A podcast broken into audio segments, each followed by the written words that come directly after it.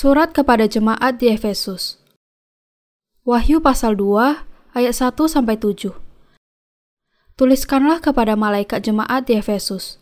Inilah firman dari Dia yang memegang ketujuh bintang itu di tangan kanannya dan berjalan di antara ketujuh kaki dian emas itu. Aku tahu segala pekerjaanmu, baik jeripayahmu maupun ketekunanmu.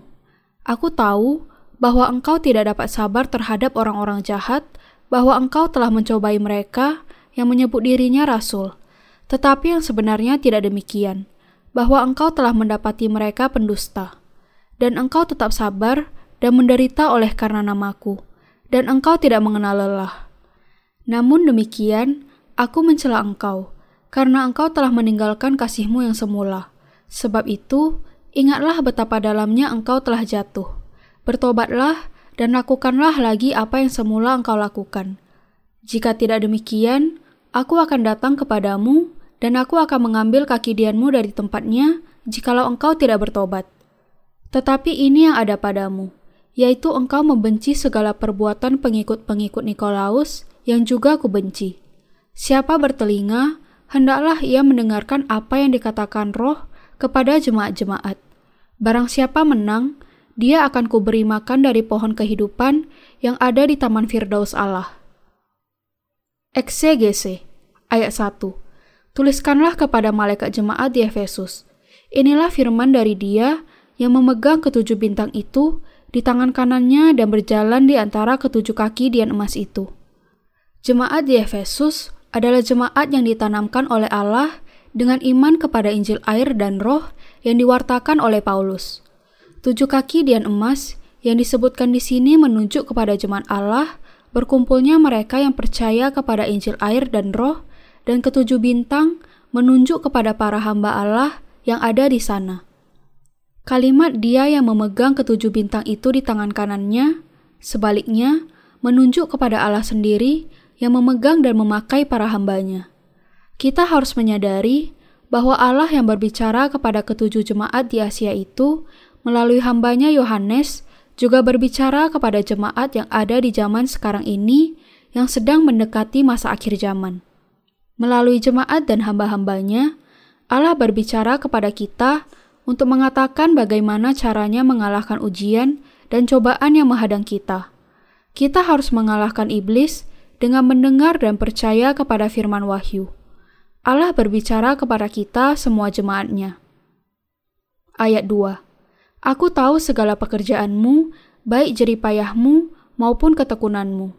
Aku tahu bahwa engkau tidak dapat sabar terhadap orang-orang jahat, bahwa engkau telah mencobai mereka yang menyebut dirinya rasul. Tetapi yang sebenarnya tidak demikian, bahwa engkau telah mendapati mereka pendusta. Tuhan memuji jemaat di Efesus atas pekerjaan, jerih dan ketekunan mereka karena mereka tidak dapat sabar terhadap orang-orang jahat dan karena mereka menguji serta menyingkapi para nabi palsu.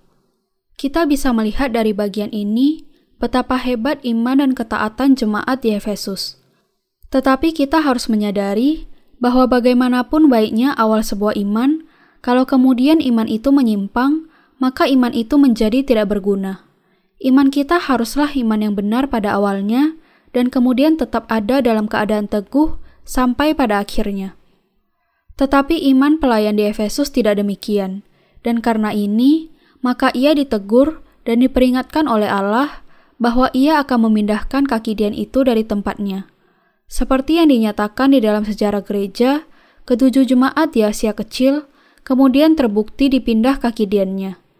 Kita harus belajar dari pelajaran jemaat Efesus bahwa jemaat kita harus diakui Allah sebagai miliknya dengan mendasari dengan iman kepada Injil air dan roh, dan bahwa kita kemudian harus menjadi hamba Allah yang memelihara jemaat kita dengan iman ini. Ayat 3 Dan engkau tetap sabar dan menderita oleh karena namaku, dan engkau tidak mengenal lelah. Tuhan kita memperhatikan atas semua jemaatnya dan mengenal dengan baik bagaimana orang-orang kudusnya bekerja bagi kemuliaannya. Tetapi orang-orang kudus di Efesus meninggalkan iman mereka yang semula dan mulai jatuh ke jalan yang salah dengan menggantikan Injil air dan roh yang murni dengan kepercayaan yang lain. Ayat 4 Namun demikian, aku mencela engkau, karena engkau telah meninggalkan kasihmu yang semula. Pekerjaan iman pelayan dan orang-orang kudus di Efesus begitu hebat, sampai Tuhan sendiri memuji pekerjaan, jeripayah dan ketekunan mereka. Mereka sudah menguji dan menyingkapi para nabi palsu. Mereka sudah bertekun dan bekerja bagi nama Tuhan, dan mereka tidak merasa bosan. Tetapi di tengah-tengah semua pekerjaan yang patut dipuji itu, mereka kehilangan apa yang sebenarnya lebih penting dari semuanya itu. Mereka meninggalkan kasih mereka yang semula kepada Yesus Kristus. Apa artinya hal itu? Itu berarti bahwa mereka tidak bisa memelihara Injil air dan Roh yang sudah memampukan mereka untuk dibebaskan sekaligus dari segala dosa mereka melalui penerimaan mereka dan iman mereka kepada Tuhan. Ditinggalkannya Injil air dan roh di lain pihak berarti bahwa mereka sudah mengizinkan guru-guru palsu dan Injil yang lain menyusup ke antara jemaat. Apa kemudian Injil dan pengajaran yang lain? Itu adalah filsafat dunia dan ideologi humanis. Hal-hal itu berlawanan dengan kebenaran keselamatan yang diberikan Allah kepada manusia. Mungkin hal-hal itu berguna untuk daging manusia, atau bahkan mungkin sangat menolong untuk terjadinya kesatuan dan damai di antara manusia. Tetapi hal itu tetap tidak bisa menyatukan hati manusia dengan Allah. Demikianlah pada akhirnya, pelayan dan orang-orang kudus di jemaat Efesus akhirnya berbalik dari iman mereka kepada kesesatan yang dikutuk di hadapan Allah. Dan beginilah sebabnya mereka ditegur oleh Tuhan. Ketika memandang kepada sejarah gereja, kita bisa melihat bahwa Injil air dan roh mulai menghilang bahkan sejak masih zaman jemaat mula-mula. Belajar dari pelajaran ini, kita harus berpegang teguh kepada Injil air dan roh, menyenangkan Tuhan dengan iman kita yang tidak goyah, dan mengalahkan iblis dan dunia dalam pergumulan kita melawan mereka. Apakah kemudian kasih yang mula-mula bagi pelayan dan orang-orang kudus di jemaat Efesus? Kasih mereka yang mula-mula tidak lain adalah Injil air dan roh yang diberikan Allah kepada mereka. Injil air dan roh adalah firman keselamatan yang memiliki kuasa untuk memerdekakan semua manusia dari segala dosa dunia. Allah menyatakan kepada Paulus, Yohanes, dan para pelayan di ketujuh jemaat di Asia mengenai Injil air dan roh dan memampukan mereka untuk memahaminya.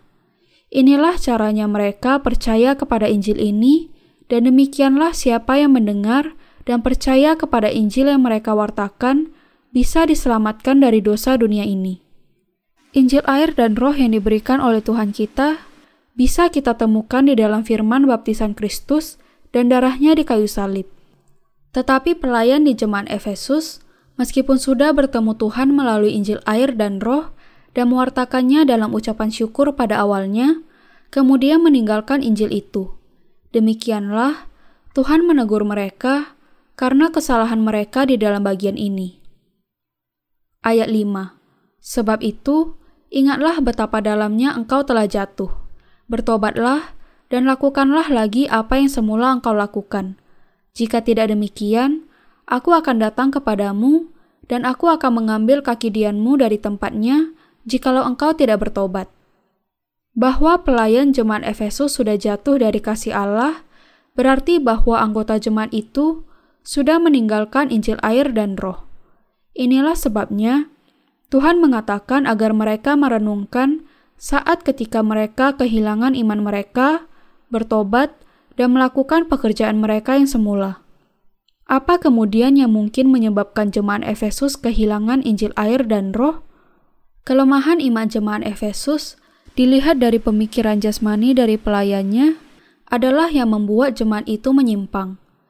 Injil air dan roh adalah dari Allah, kebenaran mutlak yang sudah menyatakan semua dusta doktrin keliru dan pengajaran semua agama di dunia ini.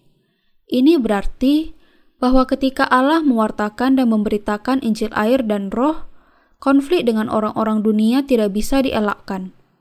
Konflik ini pada gilirannya membuat semakin sulit bagi orang-orang percaya di jemaat Efesus untuk bergaul dengan orang-orang dunia dan bahkan membuat mereka dianiaya karena iman mereka. Untuk menghindari hal ini dan untuk mempermudah orang masuk gereja Allah, pelayan jemaat Efesus meninggalkan Injil air dan roh dan mengizinkan Injil filsafat semakin banyak diajarkan. Injil filsafat di sini adalah Injil palsu yang diambil dari pemikiran humanistik yang tidak hanya mencoba memulihkan hubungan antara Allah dengan manusia, tetapi juga untuk membawa perdamaian di antara manusia. Iman yang bersifat vertikal dan horizontal yang begini bukanlah iman yang dikehendaki Allah dari kita. Iman yang dikehendaki Allah dari kita adalah iman yang melalui hubungan ketaatan kita kepada Allah memulihkan perdamaian kita dengannya. Alasan mengapa pelayan jemaat Efesus kehilangan Injil air dan roh adalah karena mereka berusaha menerima apa yang tidak bisa diterima ke dalam gereja Allah, yaitu orang-orang dunia yang tidak percaya kepada Injil air dan roh dan menyesuaikan pengajaran sesuai dengan keinginan mereka. Gereja hanya bisa ditanam di atas dasar firman Injil air dan roh. Tetapi banyak orang di zaman ini seperti juga di masa jemaat mula-mula yang mengira bahwa cukup percaya kepada Yesus untuk diselamatkan, dan yang tidak bisa melihat mengapa mereka harus percaya kepada Injil air dan Roh. Tetapi percaya kepada Yesus dan tidak mengetahui mengenai Injil air dan Roh yang diberikan Allah adalah iman yang keliru. Mereka yang percaya kepada Tuhan hanya sebagai sekedar tindakan keagamaan yang melakukannya dengan setengah hati akan menjadi musuh Allah. Inilah sebabnya Tuhan menegur dan memperingatkan pelayan jemaat Efesus supaya bertobat dan kembali kepada iman yang semula, yang benar dan sejati. Iman semula yang ia miliki ketika ia mendengar Injil air dan roh untuk pertama kalinya. Ada pelajaran yang sangat penting bagi kita di sini. Kalau sebuah jemaat Allah menjauh dari imannya kepada Injil air dan roh, Allah tidak akan lagi menyebutnya jemaatnya. Inilah sebabnya Tuhan mengatakan bahwa ia akan memindahkan kaki Dian dari tempatnya dan memberikannya kepada orang-orang yang percaya kepada Injil air dan roh. Jemaat yang sudah meninggalkan dan tidak lagi mewartakan Injil air dan roh bukanlah jemaat Allah. Sangat penting bagi kita untuk menyadari bahwa mengerti, mempertahankan, dan memberitakan Injil air dan roh jauh lebih penting dibandingkan dengan pekerjaan lain apa pun. Asia kecil di mana ketujuh jemaat di atas berada sekarang ada di wilayah Muslim. Tuhan dengan demikian sudah memindahkan kaki diannya, jemaat Allah ke sini, dan membuat kami memberitakan Injil air dan roh ke seluruh dunia. Tetapi di dalam jemaat yang sejati milik Allah, ada Injil air dan roh. Jemaat Allah tidak akan bisa ada tanpa hal itu. Kedua belas murid-murid Yesus memiliki iman yang tetap kepada Injil air dan roh pada zaman para rasul. 1 Petrus pasal 3 ayat 21, Roma pasal 6, 1 Yohanes pasal 5. Yang sangat disayangkan, bagaimanapun, adalah bahwa jemaat Allah di Asia Kecil sudah kehilangan Injil air dan roh yang sejati sejak jemaat mula-mula. Dan kemudian daerah ini menjadi daerah muslim sebagai akibatnya. Lebih lagi, bahkan jemaat di Roma dihantam oleh tragedi hilangnya Injil air dan roh dengan adanya edik Milan yang dikeluarkan oleh Kaisar Konstantinus dari Roma. Ayat 6 Tetapi ini yang ada padamu, yaitu engkau membenci segala perbuatan pengikut-pengikut Nikolas yang juga kubenci. Para pengikut ajaran Nikolas adalah mereka yang menggunakan nama Yesus untuk keuntungan dunia dan materi. Tetapi jemaat Efesus membenci doktrin para pengikut ajaran Nikolas dan perbuatan mereka. Bagi jemaat Efesus, ini adalah salah satu yang layak dipuji oleh Allah. Ayat 7 Siapa bertelinga, hendaklah ia mendengarkan apa yang dikatakan roh kepada jemaat-jemaat. Barang siapa menang, dia akan kuberi makan dari pohon kehidupan yang ada di taman Firdaus Allah. Pelayan dan orang-orang kudus Allah harus mendengar apa yang dikatakan Roh Kudus kepada mereka. Yang dikatakan Roh Kudus kepada mereka adalah supaya mereka mempertahankan iman mereka dan menyebarkan Injil air dan Roh sampai kepada akhirnya. Untuk itu, mereka harus berjuang melawan dan menang atas mereka yang menyebarkan ketidakbenaran. Kalah terhadap ketidakbenaran berarti kebinasaan. Orang-orang percaya dan pelayan Allah harus menaklukkan dan mengalahkan musuh mereka dengan senjata mereka, yaitu firman Allah dan Injil air dan roh. Allah mengatakan, Barang siapa menang, dia akan kuberi makan dari pohon kehidupan yang ada di Taman Firdaus Allah. Allah akan memberikan buah pohon kehidupan kepada barang siapa menang. Tetapi menang atas apa atau siapa? Kita harus menang dengan iman kita atas mereka tidak percaya kepada Injil air dan roh. Orang-orang percaya harus terus ada dalam perjuangan iman melawan mereka yang menjadi milik ketidakbenaran. Dan mereka harus muncul sebagai pemenang dalam perjuangan iman ini. Mereka juga harus memberikan kemuliaan kepada Allah dan menjalani kehidupan yang berkemenangan dengan iman mereka kepada Injil air dan roh. Hanya mereka yang dengan imannya kepada kebenaran menang atas musuh-musuh mereka di dalam perjuangan mereka akan bisa hidup di langit dan bumi baru yang diberikan Allah. Di masa jemaat mula-mula, mereka yang berusaha percaya dan mempertahankan Injil air dan roh menghadapi kemartiran. Demikian juga, ketika tiba saatnya antikristus muncul, akan banyak juga yang menjadi martir.